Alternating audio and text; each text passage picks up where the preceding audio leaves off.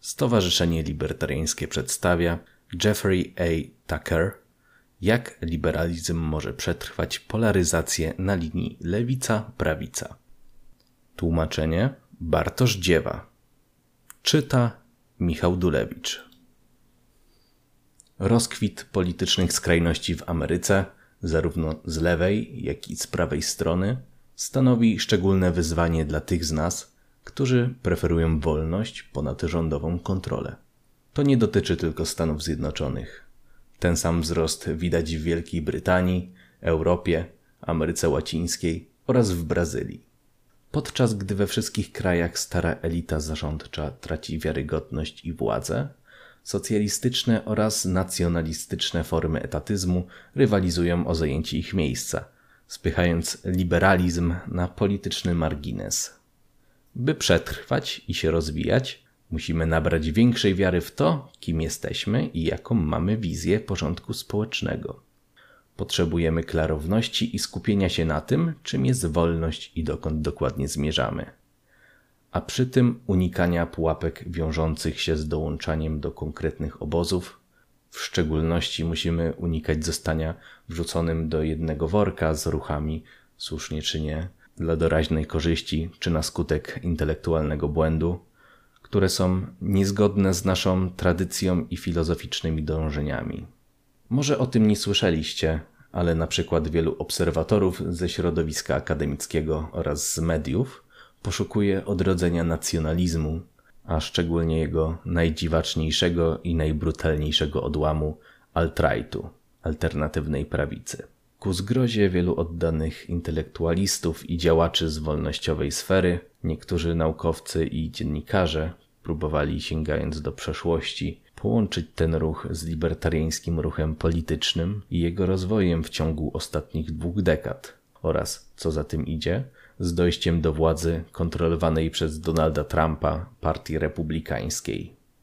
Powinno być oczywiste, że na gruncie teorii i wbrew temu, co od dawna twierdzi socjalistyczna lewica, nie ma żadnego związku pomiędzy tym, co nazywamy libertarianizmem, a jakimkolwiek rodzajem prawicowej ideologii.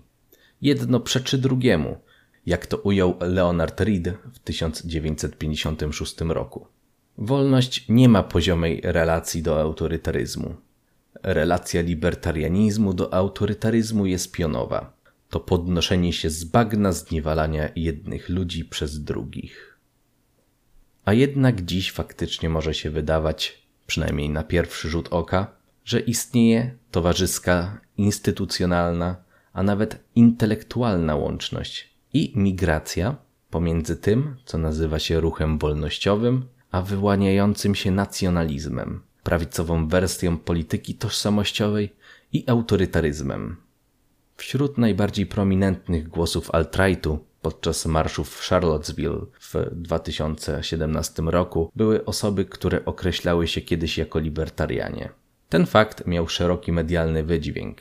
Zasadnym jest zapytać, czy oni rzeczywiście kiedykolwiek wyznawali liberalny światopogląd? Czy od początku trollowali? Czy byli po prostu głęboko zagubieni? Zadawano mi te pytania podczas wielu wywiadów. Jak do tego doszło? Odpowiedź jest złożona. Już ponad sześć lat temu postawiłem w artykule przeciwko libertariańskiemu brutalizmowi następującą hipotezę. Libertarianizm, pojmowany jedynie jako pogląd zostaw mnie w spokoju, pozbawiony większej aspiracji do dobrego życia i niezainteresowany kwestią współpracy społecznej, może oderwać się od historycznego zrozumienia, co nadejście wolności oznaczało dla ludzkiego życia oraz społeczeństwa jako całości. Bez tego nie rozwiniemy dobrych instynktów pozwalających nam interpretować otaczający nas świat. Stajemy się wręcz zredukowani do sylogistycznych sloganów i memów, które mogą być bardzo zwodnicze i nawet karmić antyliberalne tendencje. A dokąd te tendencje prowadzą? Gdzie są granice? Codziennie widzę je w internecie. W imię walki z lewicą wielu skręciło w drugą stronę i zostało zwolennikami alternatywnej formy polityki tożsamościowej, restrykcji handlu i migracji, ograniczeń podstawowych wolności obywatelskich, a nawet igrało z wolnością prasy i prawami prywatnych przedsiębiorstw. Wszystko to w imię upokorzenia i zlikwidowania wroga. Niektórzy posuwają się dalej i celebrują wszystko, czego ich zdaniem nienawidzi lewica, włączając w to nawet ohydne sprawy z autorytarnej przeszłości. W skrajnych przypadkach retoryka zbliża się do nihilizmu. Prasa nie jest tak naprawdę wolna, więc dlaczego nie poddać jej restrykcjom, cenzurze i karom sądowym? Granice nie są prywatne, więc dlaczego nie zakazać całkowicie wstępu? Niektóre wypowiedzi nie popierają wolności, więc dlaczego przyznawać im prawa, które wolność za sobą pociągają? Firmy zarządzające mediami społecznościowymi nie są tak naprawdę prywatnymi przedsięwzięciami, więc dlaczego nie zmusić ich do utrzymywania i promowania pewnych kont, które lubię? Ta wielka firma ma rządowy kontrakt, więc dlaczego nie rozbić jej dzięki przepisom antymonopolowym? Stopniowa ewolucja języka pociągnęła za sobą wszelkiego rodzaju nieporozumienia. Aktywiści potępiają establishment, nie czyniąc klarownego rozróżnienia pomiędzy rządem a wpływowymi głosami ze świata mediów. Krytykują globalizm, nie kłopocząc się z rozróżnieniem Banku Światowego od importera chińskich fajerwerków.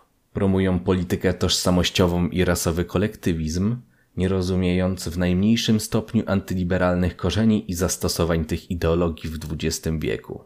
Koniec końców powiadają, nie ma niczego immamentnie nielibertariańskiego w odrzucaniu całego ludu, religii, płci, języka lub rasy, dopóki nie używasz bezpośrednio przemocy. Potrzeba specjalnego rodzaju pokrętnej sofistyki, by usprawiedliwiać w imię wolności kolektywne animozje i przemoc państwa przeciw dobrowolnym zrzeszeniom. Historia polityki pokazuje jednak, że ludzie są zdolni do ogromnych mentalnych przeskoków, jeśli służą one ideologicznym celom.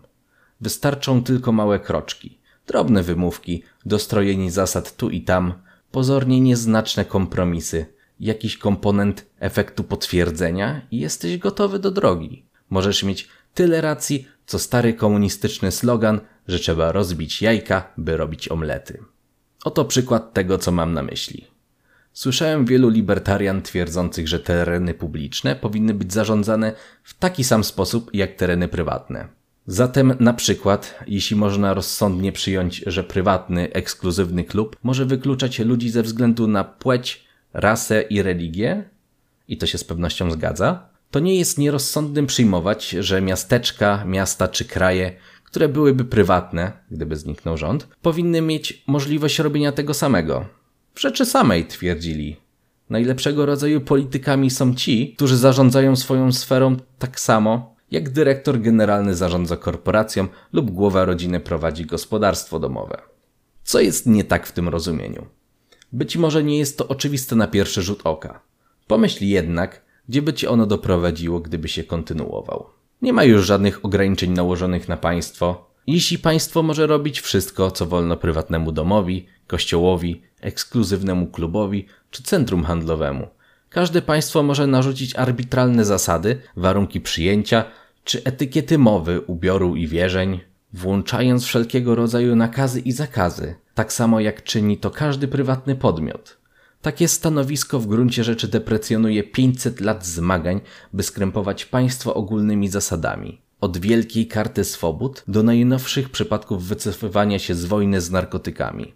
Cała idea liberalnej rewolucji polega na tym, że państwa muszą pozostać ściśle ograniczone, karząc jedynie przestępstwa przeciw osobie i własności, podczas gdy prywatnym podmiotom trzeba przyznawać maksymalną wolność eksperymentowania z zasadami. To rozróżnienie musi pozostać, jeśli chcemy zachować cokolwiek z tego, co od późnego średniowiecza rozumiane jest jako wolność. Wielkim wysiłkiem udało nam się wznieść mury pomiędzy państwem a społeczeństwem, a wysiłek, by mur pozostawał wysoki, nigdy nie ustaje. Pogląd, że działacze publiczni powinni zachowywać się jakby byli prywatnymi właścicielami, jest śmiertelnym zagrożeniem dla wszystkiego, co liberalizm kiedykolwiek starał się osiągnąć. Ten przypadek pokazuje, jak łatwo jest zboczyć z kursu przez drobne intelektualne pomyłki. Jak mawiali starzy scholastycy, popełniasz błąd w jednym miejscu, prowadzisz dalsze rozumowanie wystarczająco konsekwentnie i zanim się zorientujesz, rozpadać się cały światopogląd. Jesteś wtedy podatny na każdy rodzaj manipulacji, wręcz demoralizacji, nawet do tego stopnia, by maszerować w paradach promujących totalitarne idee. To właśnie tego rodzaju intelektualna pomyłka umożliwiła i pobudza migrację z libertarianizmu do alt-rightu. Nie udało się dostrzec pełnej perspektywy tego, na czym polega ludzka wolność. To niepowodzenie, podsycane złością, otworzyło wiele osób na mroczny świat, którego nie znali i nie rozumieli. Jak możemy, jako libertarianie, odnaleźć z powrotem nasze centrum, ożywić naszą misję, poczuć się wspaniale z tym, co robimy, unikać wpadania w pułapki wiążące się z dołączaniem do konkretnych obozów i uchronić się przed zostaniem ponownie strollowanym przez zło. Oto moja sugestia. Potrzebujemy nowej estetyki wolności, która uczyni klarowniejszymi obraz i odczucie, w jakiego rodzaju społeczeństwie pragniemy żyć. Ta nowa estetyka powinna zastąpić jałowe i podatne na polityczne wpływy abstrakcje, które ograbiły libertarianizm z jego większej i pełniejszej wizji i uniemożliwiły ludziom dostrzeżenie, kiedy ruch skręca w antyliberalną stronę. Musimy stworzyć w naszych umysłach piękną wizję społeczeństwa oraz świata, jaki chcemy zamieszkiwać, nie we wszystkich szczegółach jego działania, jak centralni planiści, i nie jako stanu końcowego, jak socjalistyczni i nacjonalistyczni utopiści, lecz w jego stale ewoluujących instytucjach, służących przede wszystkim ludzkiej pomyślności. Musimy ją poczuć, zobaczyć, poznać ją w naszych umysłach, pokochać i zatęsknić za nią, i pomóc innym też ją zobaczyć, tak jak w przeszłości czynili to nasi najwięksi pisarze i intelektualiści. Ten proces musi rozpocząć się od ponownego przemyślenia, kim jesteśmy, w świetle tego, gdzie znajdowaliśmy się w poprzednich epokach oraz od ukształtowania ideologicznych osobowości, które oprą się manipulacją otaczających nas politycznych akcji i reakcji. Estetyka wolności, która może nam dać solidniejsze poczucie własnej tożsamości i zbudować powszechne poparcie dla naszego wielkiego celu, składa się z pięciu głównych elementów. Po pierwsze, potrzebujemy pozytywnego spojrzenia na podstęp ludzkości. Pełen obraz sytuacji jest taki, że przed erą liberalizmu ludzkość harowała przez jakieś 150 tysięcy lat bez nadziei, poprawy standardów, ani lepszego lub dłuższego życia. Wtedy nadeszła wolność. Narodziła się nadzieja. Mogło ci się udać coś poprawić w swoim życiu, mogłeś żyć lepiej, Mogłeś sprawić, by świat wokół ciebie adaptował się do nowych warunków. Mogłeś poprawić życie innym. Po raz pierwszy coś mogło zależeć od woli. Mogłeś podróżować, mogłeś zarabiać pieniądze i kupować. Mogłeś inwestować i mieć nadzieję na lepsze życie dla swoich dzieci. Nadzieja co do tego świata, a nie tylko następnego, była wielkim darem liberalizmu. Nie możemy i nie powinniśmy z tego rezygnować.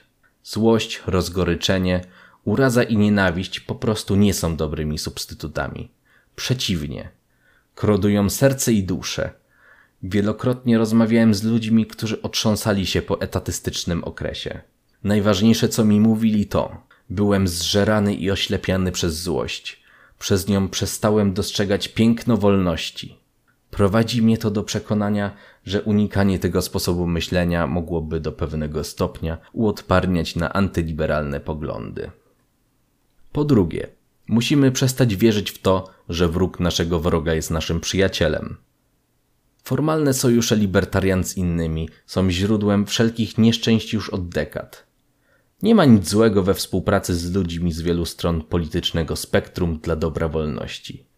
Nie ma też wielkiego sensu uznawanie libertarian za jakąś hermetycznie zapieczętowaną grupę chronioną przed zewnętrznym wpływem. Formalne sojusze to jednak co innego. One mogą kusić ludzi do wypaczania priorytetów, pogrzebania zasad i przyjmowania zdradliwych idei. Wszystko w celu utrzymania sojuszu.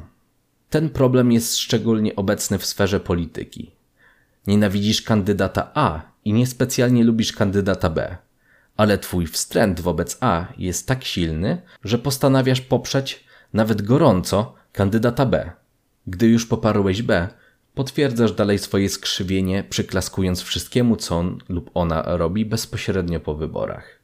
Ta tendencja może ogłupić oraz zdeprecjonować czyjeś zasady do tego stopnia, że nie pamiętasz już w co tak naprawdę wierzysz.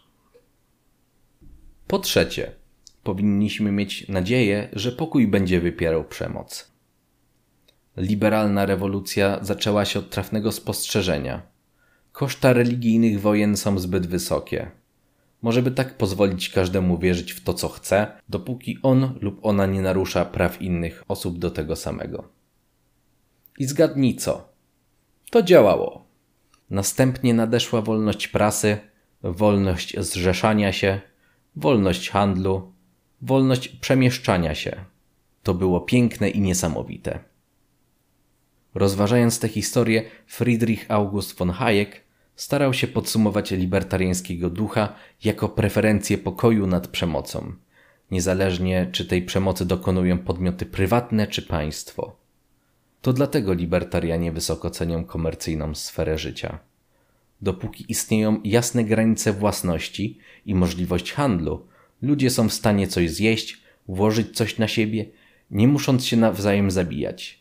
To prowadzi do lepszego społeczeństwa. Zauważmy, że ta ogólna preferencja pokoju nad przemocą nie jest ujęta w jakimś algorytmicznym twierdzeniu oderwanym od prawdziwego ludzkiego doświadczenia. Nie daje też jakiemuś teoretykowi z wieży z kości słoniowej idealnego rozeznania pozwalającego rozwiązać każdy ludzki problem. Sposób stosowania tej praktycznej zasady musi być testowany zgodnie z okolicznościami miejsca i czasu, a rezultaty oceniane przez testy rynkowe. Po czwarte, powinniśmy wystrzegać się masowych histerii i populistycznej agitacji.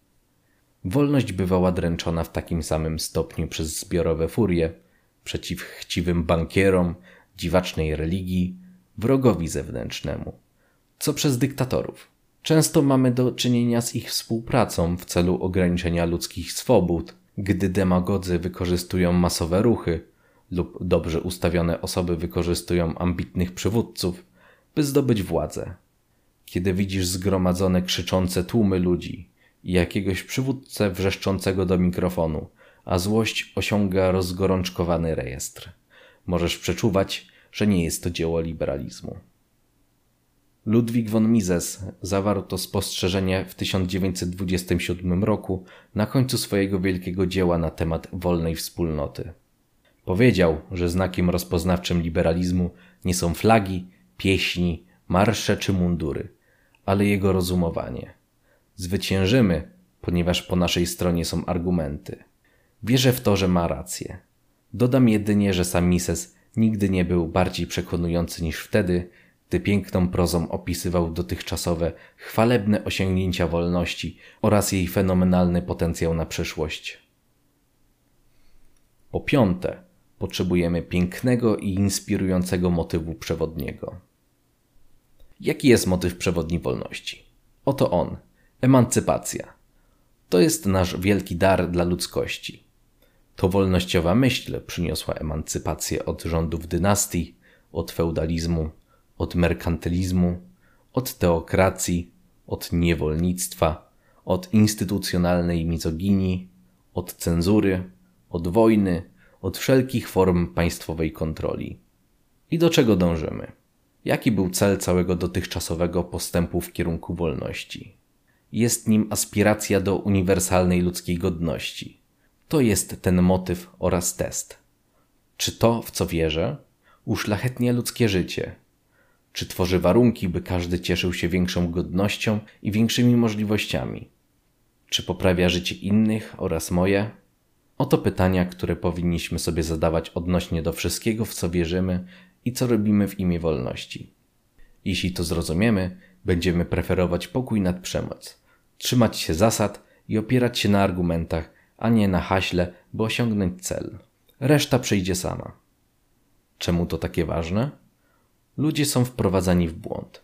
Wierzą, że alternatywą dla lewicy jest prawica, albo że lewica jest alternatywą dla prawicy zapominając, że obydwa paradygmaty wyłoniły się z tych samych antyliberalnych podstaw stawiających opór najwspanialszej transformacji w historii rodzaju ludzkiego. Tak naprawdę jest jeszcze gorzej. Nasze pokolenie nie jest całkowicie świadome tego, co kupuje, gdy w sposób bezkrytyczny, choć zrozumiały, jednoczy się wokół antylewicowych idei, nie pytając, co właściwie te idee popierają. Jednoczą się wokół modnych memów i podążają za elokwentnymi przywódcami, aż pewnego dnia zauważają, że noszą flagi etnopaństwa i wykrzykują krwawe hasła.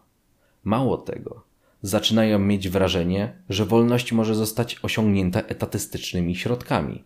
To nigdy nie miało miejsca. Nie musi tak być.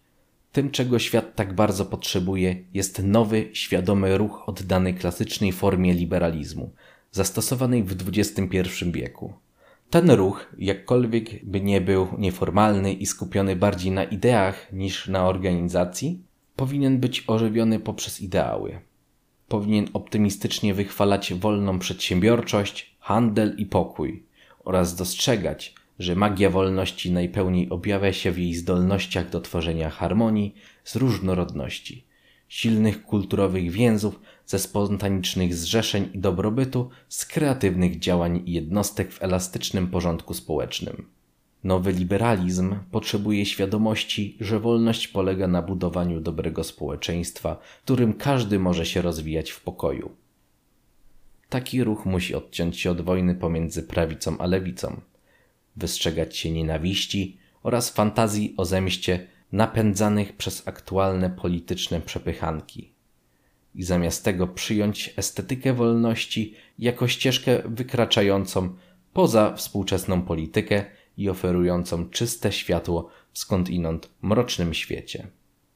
Polityczne furie naszych czasów zejdą ze sceny, pozostawiając pytanie, jaki paradygmat powinien ukształtować nowy, dominujący kierunek. Społeczno-polityczny światopogląd zbudowany na uczciwości, pokoju i najwyższych tęsknotach za pomyślnością wszystkich ludzi.